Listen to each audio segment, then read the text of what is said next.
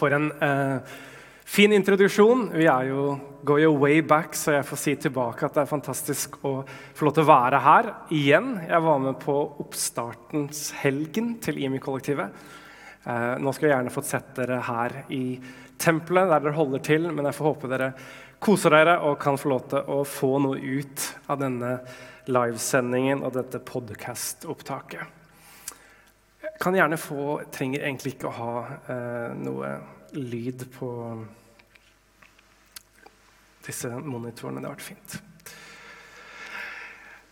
Jeg skal ikke bruke altfor mye til. Vanligvis når jeg underviser på bibelkveld, så elsker jeg også å gå rundt og snakke om den historiske konteksten. Men siden det her er siste eh, kapittelet, så tenker jeg dere har vært gjennom mye av det her. Men jeg vil bare gi dere en lite, si én liten ting.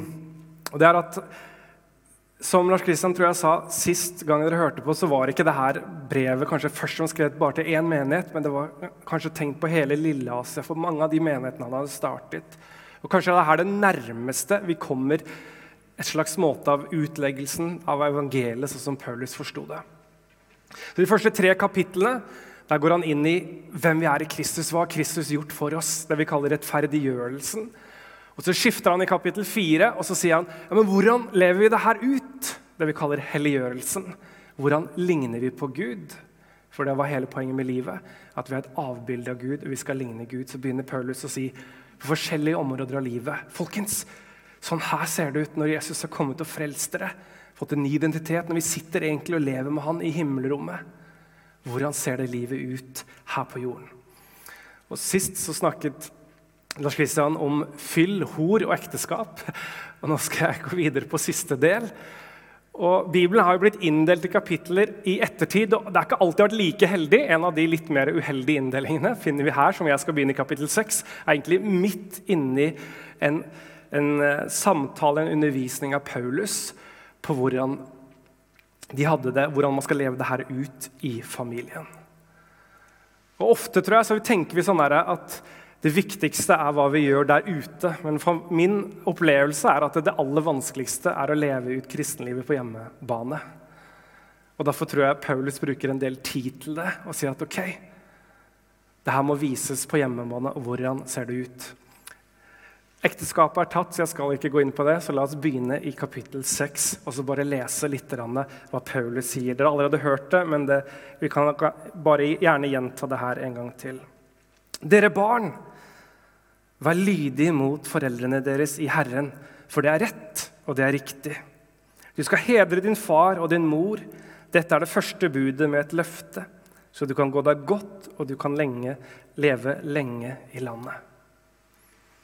Se for deg når Paulus, det her blir lest opp, Paulus er fange, han sitter og skriver det. Og så sitter det masse sånne husmøter rundt om i Asia. Det er kanskje har blitt kveld, det er litt kjøligere, de trenger seg inn i et hus. Og så har de fått brev fra den store apostelen Paulus. Og Så går de gjennom og leser og leser, og så sitter barna der, og endelig så blir de adressert. Dere barn! Kanskje ikke de likte helt hva de fikk høre etterpå. Vær lydig mot foreldrene deres. Nå skal jeg ta dere med på en liten sånn detour, som ofte jødene gjorde. Jeg tror at Paulus var en skarp teolog, og han la til de to andre versene der etterpå bare fordi han snakket til mange folk som ikke var jøder. For Det var tydelig for jødene hva han siktet til her. Vær lydig mot foreldrene deres. Det var en av budene, en av de viktige ti budene. Og Nå skal jeg snakke dere litt om lydighet, dette ordet 'være lydige'. For ofte når vi hører det, det er ikke så ofte vi kanskje hører om det, så er det ofte veldig mye negative ting. Å være lydig liksom, og underordne seg. Vi liker ikke å snakke om det, men Paulus løfter det fram. Og Det greske ordet for det heter noe sånt som hypoko eller et eller annet sånt. Det er så lenge siden at gres, jeg er ikke så god på uttalen. Men jeg tror Paulus tenkte på, det var det hebraiske ordet 'shema', som oversettes gjerne 'hør'. Så du kan lese det sånn Dere barn, hør på foreldrene deres. Og Det som er ganske rart, som jeg fikk en sånn, litt sånn aha-opplevelse på når jeg studerte litt før, det var ikke det når det gjaldt det her, men noe annet jeg studerte, så fant jeg at jødene faktisk de har ikke et eneste ord for å adlyde. De som har 613 bud, de som elsker Toraen, loven, over noe annet enn som er guiden til det gode liv, De har ikke et ord for å adlyde, men de bruker bare ordet shema. Hør. For hvis du virkelig hører, så vil du også lyde. Og for mange av de jødene som ville høre her, Shema, foreldrene deres, så ville det være et annet skriftsted som ville komme til hodene deres. 5. Mosebok 6,4, selve trosetningen, bønnen som de ba hver morgen og hver kveld. Shema Israel! Hør Israel! Med underforstått og lyd. Herren er én. Det er første budet. Det er bare én Gud. Du skal elske Herren i Gud av hele ditt hjerte, av hele din sjel, all din forstand og din makt. Og så legger Jesus til en ekstra tolkning på den. Du skal elske din neste som deg selv. Og På mange måter så var budene også satt opp sånn. Altså, Jesus sa at hele loven, alt i kristenlivet, kan egentlig oppsummeres i det. Du skal elske Gud med absolutt alt. Og så skal du elske din neste som deg selv. Og, for, og Jødene de var veldig opptatt av at teologi skulle være prakt, praksis, altså praktisk. mener jeg. Så de hadde ikke noe sans for sånn abstrakt teologi. De har faktisk ikke noe abstrakte ord i sitt eget språk. For hvis en teologi ikke kunne leves ut, så var det dårlig teologi, for livet skal leves. Derfor brukte de ofte et bibelsted som kanskje var litt mer abstrakt. Så tolket de det med et annet bibelsted som hadde samme rotord, for å se men hvordan funker det her. Det tror jeg Jesus gjorde med det her. Du skal elske Herren din Gud av hele din sjel, din makt, din forstand, hjerte. Og så kan du sitte og tenke ja, men hvordan ser det ut? Så sier Jesus jo, hvis du elsker din neste som deg selv. Det er den praktiske måten. Og Altså gir Jesus et eksempel, sånn som Johannes, en av disiplene, senere sa i Johannes-brevene. Hvis du sier du elsker Gud og ikke elsker din bror, så er du en løgner. Frukten av livet ditt vises i om du kan elske andre mennesker. Du kan ikke si at du elsker Gud, og så har du ingen kjærlighet til de rundt deg. Og På mange måter så er de ti bud bygd opp sånn. De tre første budene handler om forhold deg til Gud. Du skal ikke ha noen andre guder enn han. Du skal ikke misbruke hans navn. Du skal holde hviledagen hans hellig. Og så snur på en måte budene fokus, og så går de mot mennesker. Og hva er det første budet, da?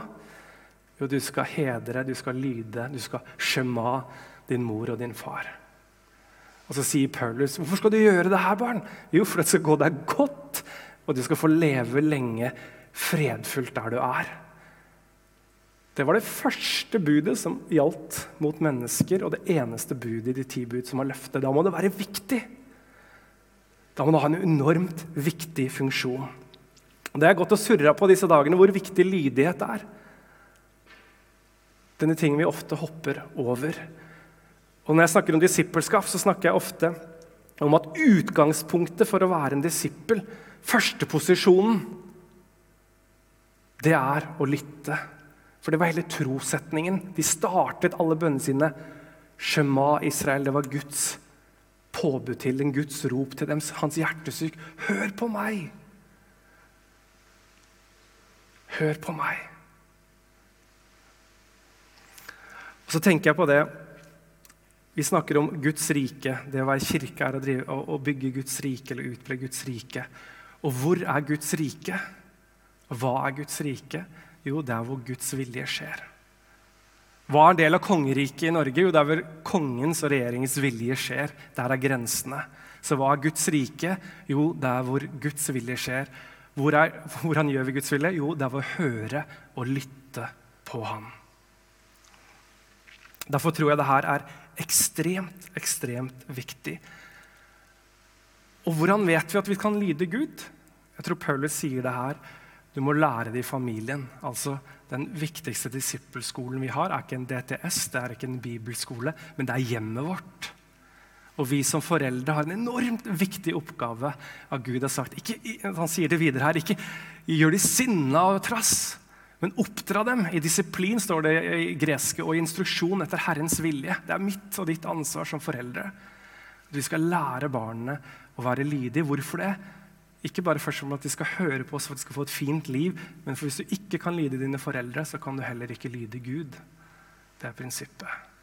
Så drar Paulus det enda lengre til slavene i neste vers. Vi skal ikke gå og lese gjennom det. At selv de ugudelige slavedrivere skal du lyde skal du tjene som du tjener Kristus selv, fordi ære til Gud. Hvorfor? Jeg tror det er kjærligheten som overvinner mennesker, men jeg tror det er en dypere sannhet. at Du må ikke lure deg selv og tro at liksom, hvis du bare går din egen vei, i din egen opprørskhet, så skal du plutselig kunne lyde Gud, underordne Han og følge Han. Det læres i hjemmet. Det læres the hard way. Det er utrolig, utrolig viktig. Og så har jeg tenkt på det her Nå har det liksom snakket om ekteskap, han snakket om barn, om slavehold og alle disse forskjellige tingene her. Og så har jeg tenkt på det hva har det her å si med den her som kommer etterpå? Som handler om Guds fulle rustning og den åndelige kampen. Det virker liksom litt sånn rart, og så står det 'til slutt', akkurat som Paulus sier 'PS' eller 'by the way'. Nå skal jeg oppsummere litt her. Ok, Nå skal vi snakke om litt om åndelig kamp. Hvis du går til Jakobs brev, jeg skal ikke bruke altfor mye tid på det, så, og det som var Jesus sin bror, han skriver til menighetene, så var det mye rot og det var mye tull. Og mye ting som skjedde der. Og så skriver han det at dere har ikke alt på stell. Så han, sier han for Gud står de stolte imot, men de ydmyke gir han nåde. Vær derfor lydige. Stå imot djevelen, og han vil flykte for dere. Så hva er det Jakob, Jesu bror, sier? Hva er clouet til å vinne kampen mot det onde i ditt liv? Det er å være lydig til Gud. Så ble jeg bare sånn OK. Og så går hakket tilbake, så står det stå, skal si at Gud står den stolte imot, men den ydmyke gir han nåde. Hvor han falt den onde? Hvor han falt Satan fra himmelen som en engel og en tredjedel? Jo, at han ville være, han var stolt, han ville ikke underordne seg og lyde Gud. Hva var den første synden som førte elendigheten ut i oss mennesker, som gjør at vi har hele Bibelen og Jesus måtte komme og dø? Jo, det var at vi ikke var lydige til det Gud sa. Han sa 'spis ikke'. Det skal få gjøre alt, men bare ikke det treet der. Men så ville vi være som Gud. Vi ville ikke underordne oss. Så stolthet er på en måte det motsatte av lydighet, som har ført til fallet. Både for åndsvesenet og for oss. Ergo tror jeg ydmykhet må være det motsatte. Gud står de stolt imot, men de ydmyke gir han nåde. Hva er ydmykhet? da? Jo, det er å lydig til Gud. Det er å innse hvem jeg er. Jeg er bare et menneske. Og Gud er Gud. Okay, skal jeg bare nørde bitte litt til. For Det er en historie som jeg har tenkt på mange ganger, som gjerne kommer i Nytestamentet. Og det er den historien om Biliam. Biliam synder. Jeg tenkte, hvis, hvis NT nevner en del av GT-historier mange ganger, så tror jeg det er fordi at her er det et viktig poeng. Nå skal jeg bare veldig veldig kjapt si det her. Nå er Israelsfolket på vei inn, skal innta Kanas land. og Så blir noen av kongene rundt der redde. Så en som heter Balak, sier, 'Bilam, du hører fra Gud. Kom og forbann Israel.' Så prøver denne, Han blir kjøpt av penger og synes det her er for å, for å da forbanne de, Så går han opp, spør han Gud, og så skal han begynne å forbanne. Og så kommer det bare velsignelse på velsignelse hver gang til han gir opp. Og han, kongen Balak blir veldig sur. Men Biliam klarer det til slutt. Hvis du leser noen kapittel seinere, så gjorde han det. Men hva gjorde han da? Jo, han fikk Israelsfolket til å dyrke andre avguder. Være ulydige mot Gud. Så de ble stolte. Og da skjer noe mye verre enn å kjempe mot djevelen. Da kjempet de plutselig mot Gud. For Gud står de stolte imot, men de ydmyke gir han nåde. Bare legger inn en liten advarsel, for det nevnes flere ganger også i Johannes-åpenbaringen om det her med stolthet og ulydighet. Så la oss gå videre til kapittel 6, vers 10. Til slutt jeg liker kanskje, Hvis jeg skulle oversatt Bibelen, så ville jeg gjort det litt annerledes. Jeg ville sagt i den tiden som gjenstår, betyr egentlig det ordet. Og jeg tror Paulus så for seg at Jesus kom snart. Og De var under masse forfølgelse og harde ting, så han ville at de skulle lykkes. Så den tiden som gjenstår til Jesus kommer Bli sterke i Herren, sånn at dere kan bli stående når denne kampen kommer. Dere kan jo lese og studere det her nærmere selv, men jeg skal ta opp tre ting i denne kampen jeg tror Paulus ønsket å få fram. Det ene var realitetsorientering. Jeg tror vi trenger den enda mer enn de trengte det i Efesus. For de hadde mye forfølgelse. De, det var ikke bare enkelt å følge Jesus på den tiden. Men i dag, med Nav-system, masse fridager, vi bor i det beste landet i hele verden. Vi har hytter, vi har ting vi kan kjøpe oss ut av pandemi, pandemien på mange måter. Så kan det kanskje føles som livet er en mer feriekoloni enn en kamp. Men så vekker Paulus og sier at vet du hva? Realiteten er noe annet enn det vi kanskje opplever. Om du opplever at helvete bryter løs, eller om du er på det fineste stedet på jord. Så hver dag du lever, hver kveld du legger deg, så har du en fiende som ønsker deg ondt. Men heldigvis har du en Gud som ønsker deg godt, og som er mye sterkere. Så vi skal ikke frykte, men vi må være våkne, vi må forstå det. Ellers har vi allerede tapt kampen. Og Kanskje koronasituasjonen kan hjelpe oss litt. fordi Man snakker jo at man har en krig mot et usynlig virus. Vi alle går rundt i Oslo og er redde og ting og skal holde oss avstand. alt det, Men ingen, alt ser jo helt normalt ut. Vi, hvorfor kan vi ikke bare klemme, henge? Det er jo ikke noe allikevel, Men det er en kamp der. Vi ser den ikke, men vi ser realiteten av det. Derfor er vi villige til å ofre og lide litt for å overvinne dette viruset. Kanskje det kan hjelpe oss å forstå denne åndelige kampen som Paulus snakker om. Så vi trenger en realitetsorientering. Og så hjelper det å forstå hvem og hva er det vi slåss mot. Fordi I Efesus hadde de fysiske motstandere. Sett, satt seg selv i fengsel. altså Han hadde mennesker som ville han ondt. Så sa han men du, husk på det, det er ikke de du egentlig slåss mot. Det er en realitet bak realiteten som er enda mer virkelig. Og Gjennom hele Feserne så har Paulus sagt at vet du hva, ditt statsborgerskap Du er egentlig ikke norsk. først og fremst. Din identitet er ikke at du er norsk, men du er frelst, at du er en del av Guds familie. Du har et himmelsk statsborgerskap, og du sitter faktisk allerede nå i himmelrommet sammen med Jesus. Det er der livet ditt leves. Du lever et sånn dobbeltliv.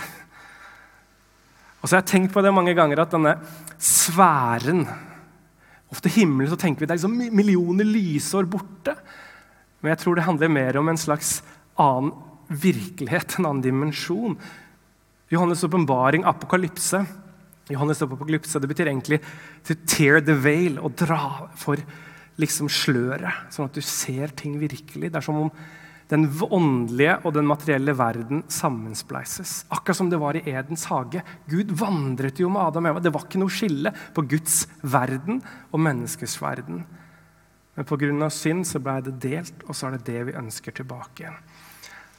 Bare et veldig kjapt ting tilbake i Gammeltestamentet. Jeg tror det er andre kongebok, kapittel 6 eller 7.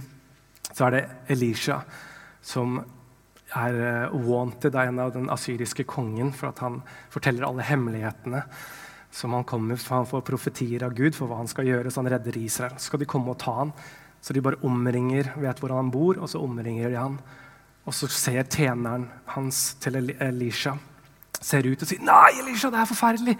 Se hele hæren!' Og så bare er, virker det som Elisha bare 'Åh, Gud, kan ikke du bare åpne øynene?' Så åpner Gud øynene til tjeneren, så ser han at det er en engle her som står rundt deg. De var ikke millioner av lysår borte. De var der, så tett på, men han bare så det ikke. Så det er to, disse to dimensjonene som jeg tror er veldig tett. Gud er nær. Det er bare at den dimensjonen er borte i den livet vi lever nå, og så skal den sammenspleise når himmel og jord igjen skal bli ett, og vi skal være med Jesus. Så når du tenker at vi er, sitter i himmelrommet, ikke tenk liksom at vi, bor, vi sitter med Jesus millioner av lyser borte, men det er i hans sfære, hans domene. Tenk litt mer som Matrix. Kanskje en hjelp på det der.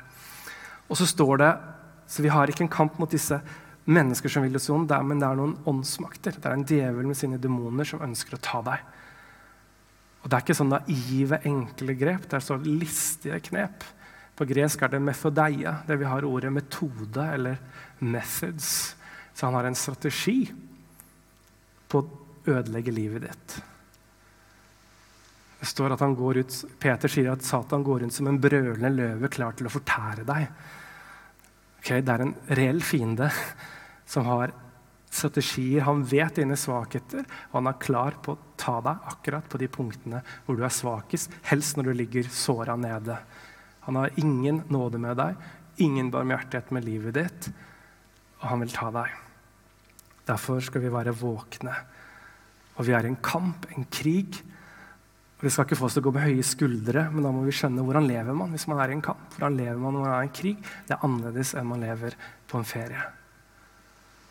Men heldigvis Og vi skal ikke bruke masse tid heller å fokusere på Satans knep. Jeg fikk lov til å oppleve masse spesielle ting en periode i livet mitt. Jeg bodde i, mye i Asia og Australia. Jeg var borti mange ting, demonske ting som jeg aldri hadde eh, vært borti før. Og det fascinerte meg på sett og vis, må jeg innrømme. Så jeg spurte en av mine mentorer liksom, hvordan kan jeg lære mer om det liksom, demonske og Satan, så jeg forstår det her om alt det her spesielle tingene som jeg får oppleve. Så sa han Joakim, ikke bruk tid på det. Vet du åssen sånne eh, amerikanske folk som jobber i banksystemet, skulle finne sånne falske dollarsedler? De brukte aldri tid på å finne ut, se på alle de falske, de brukte masse tid på å se på en ekte. Så at det kom noe falskt, så gjenkjente de. Det er ikke en ekte dollar. Det er noe falskt. Så han, bruk tid på Gud. Hvis du virkelig kjenner Gud, hvis du kjenner Jesus, så vil du merke at det her er jo ikke fra Gud. Så ikke kast bort tiden din på det demonske eller Satan. Han vil ha oppmerksomhet. Han er PR-kåt. Men det er Gud som skal ha fokus. og Derfor står det veldig lite om djevelen i Bibelen. Nesten ikke nevnt i Gammeltestamentet.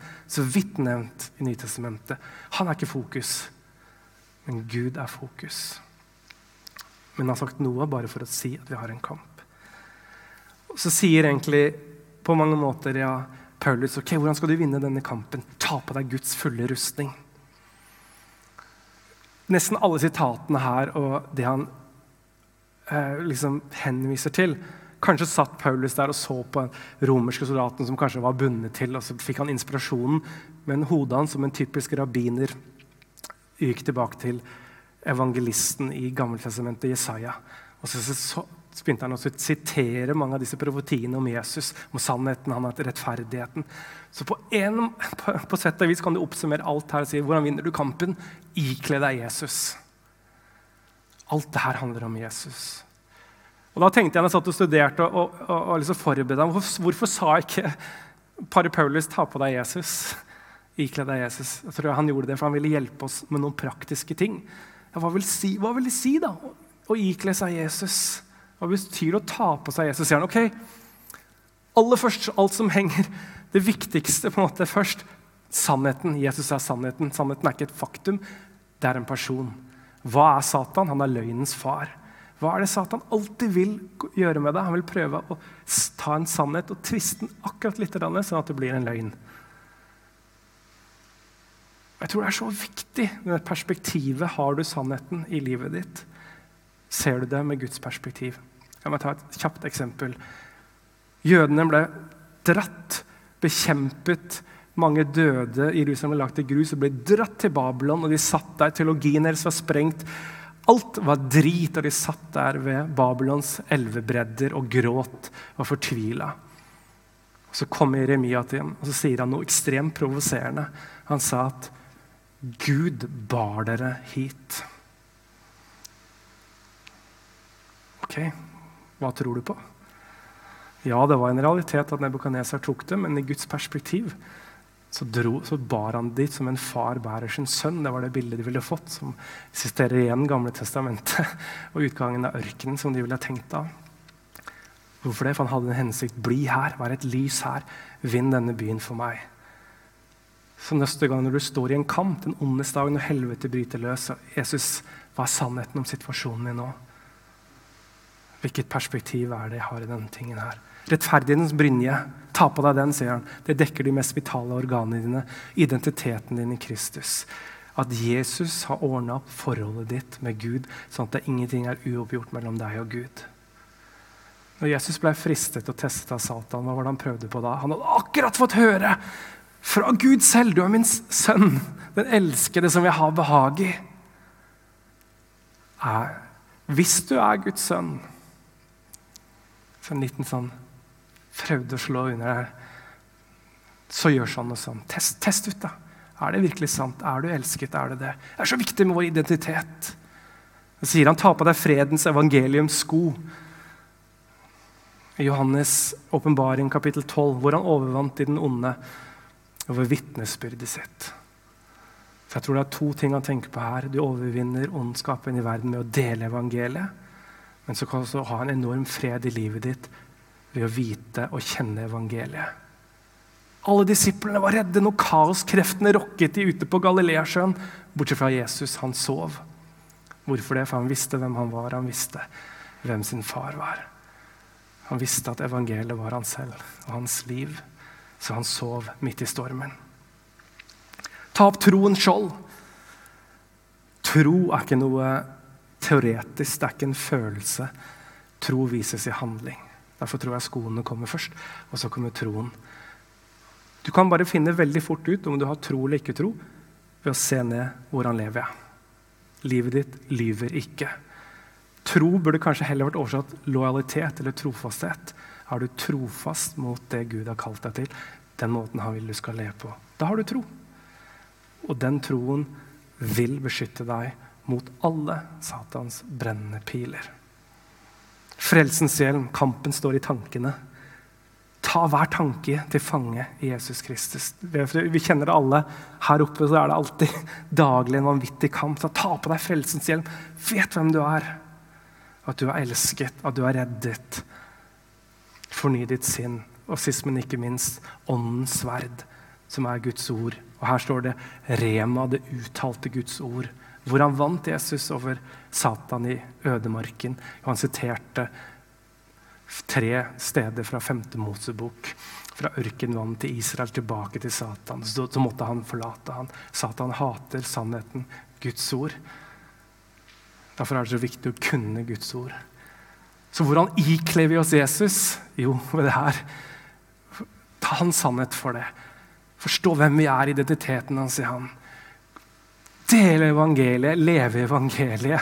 Vandre trofast etter det Gud har sagt. Vinne tankekjøret vårt og proklamere Guds ord.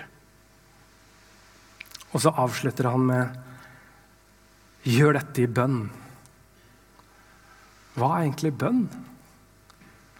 Jeg tror vi ofte har misforstått bønnen. Ofte så blir våre bønner, i hvert fall mitt, at vi prøver å ta Guds hånd bak ryggen hans og så drar vi hardt, og så 'Gjør det jeg vil!' Og vet du hva? Bønn er å ønske å komme til det stedet hvor du ønsker å gjøre det Gud vil. Men hvor mye er ikke bønn i livet vårt at vi prøver å kjempe gjennom og manipulere og tvinge Gud til å gjøre min vilje? Men hva lærte Jesus å be? Din vilje skje på jorden som i himmelen. Og da er vi jo tilbake til lydighet.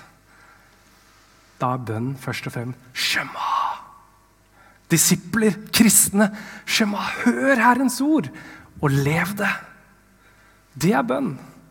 Og så komme til et sted hvor du ønsker å leve ut Guds vilje, Guds ord, i ditt liv. Så sier han også Be for alle de hellige. Jeg tror det er viktig for oss å ta til oss, ikke for at jeg skal be for mest av alt for pastorparet deres, men det er det kollektive tanken. Vi er så ofte når vi ser for oss det, jeg vet ikke om du Med en gang så tenker jeg på meg. Jeg må gjøre det. Jeg skal ta på. Men Bibelen er alltid kollektiv. Man skal lede kirke sammen. Man skal gå ut to og to. Det er minimum. Du klarer ikke å stå alene. Så husk på det. Det er derfor vi har kirke. Det er derfor dere er her som IMI-kollektiv sammen. Dere skal stå sammen. Dere må be for hverandre. Be for lederne deres. Be for de tingene som er sammen. Dere må stå og vinne denne kampen. Sliter noen, er noen begynner å småfalle litt, så kom og rett dem opp. Si det, jeg skal være med deg. Og Av og til når man virkelig kjenner at helvete bryter løs i livet sitt, så orker man ikke alltid å be selv om man er Da må dere andre rundt komme og si, vet du hva, nå ber vi for deg. Nå tror vi for deg. For Paulus snakker til dem som et kollektiv, som en gjeng, som et fellesskap. Satans metode er jo å splitte oss, at vi føler oss alene. Ingen har det sånn som meg. Ingen, jeg er helt alene. Ingen har de problemene. Vi føler oss skamfulle osv. Og Det tror jeg også at Satans måte er Det hørte jeg egentlig under forrige punkt, men du får ta den, at han frister og anklager. Det er hans to måter å gjøre det på. For hva er det djevelen betyr? Den som splitter. Hva er det Satan betyr? som er det hebraiske navnet? Han som anklager. Så hva er hans strategier? Jo, han prøver å friste deg og si at det er ikke så farlig. Gud har nåde uansett. Han tilgir deg. Det går bra. Eller hvordan i hulelse tror du at Gud noen gang elsker deg når du har gjort det? Så han opphever Guds nåde én gang, og så tar han tak i Guds hellighet den andre gangen. Og så ser han ikke bredden og helheten i Gud, og Gud er perfekt og god på alle mulige måter. Og så lurer han oss gang på gang på gang på gang. Så legg merke til hvordan angrepene skjer i ditt liv. Og som oftest i mitt liv så er det noe helt naturlig som bare skvises på, på, på liksom boostes opp ut av dimensjoner. Og jeg gjenkjenner ofte, Etter hvert har jeg begynt å gjenkjenne hans angrep på meg. Og så er det lettere å ta de og snakke sannhet inn i situasjonen. Be og tenke nå, nå er det noe som skjer. Men så er det alltid lurt å slutte med Jesus selv. Hvordan vant Jesus den endelige kampen over døden? Over Satan, over synden. Han var i Getseman, hadde sin verste kamp. Han lå på kne. Disiplene hadde svikta. Han svetta blod. Og så sa han, 'La denne kopp gå meg forbi.' Jeg orker ikke lide for disse folkene her. Som ikke engang liker meg, som ikke orker noen ting. Hele hans menneskelige vesen sa, 'Det her orker jeg ikke, Gud!' Så var det det viktigste men i hele historien. Men ikke min vilje, men din vilje, Gud. For ved Jesu lydighet og lidelse så vant han kampen en gang for alle. Så hva er det å ikle seg Jesus? Det er å be ikke min vilje, Gud, men din. Å være villig til å lide Å være lydig om det så enn skulle koste meg livet. For vi er, Paulus sier, jeg er korsfestet med Kristus. Jeg lever ikke lenger selv. Vi var med Kristus i lidelsen og oppstandelsen. Seieren er bare hos Gud, i hans kraft, i hans rustning. Vi vinner og vi blir stående når vi er i Jesus. Lydig til lidelse. Johannes' åpenbaring 12, kapittel 12. La meg avslutte med det.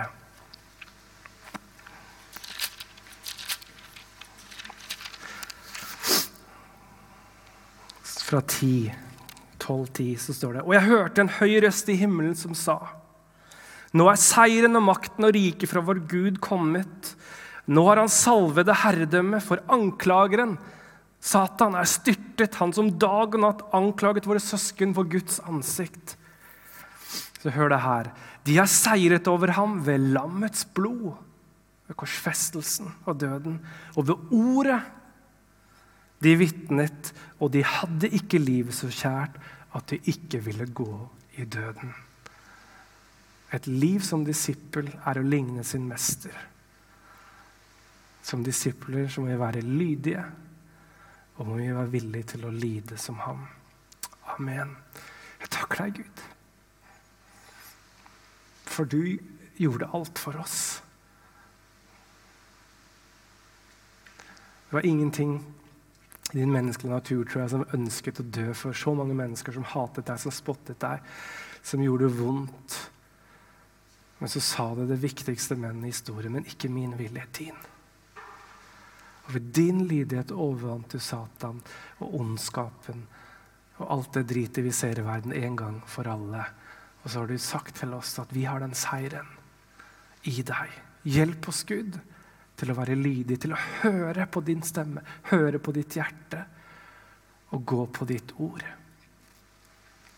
Også om det vil koste oss masse. I Jesu navn. Amen.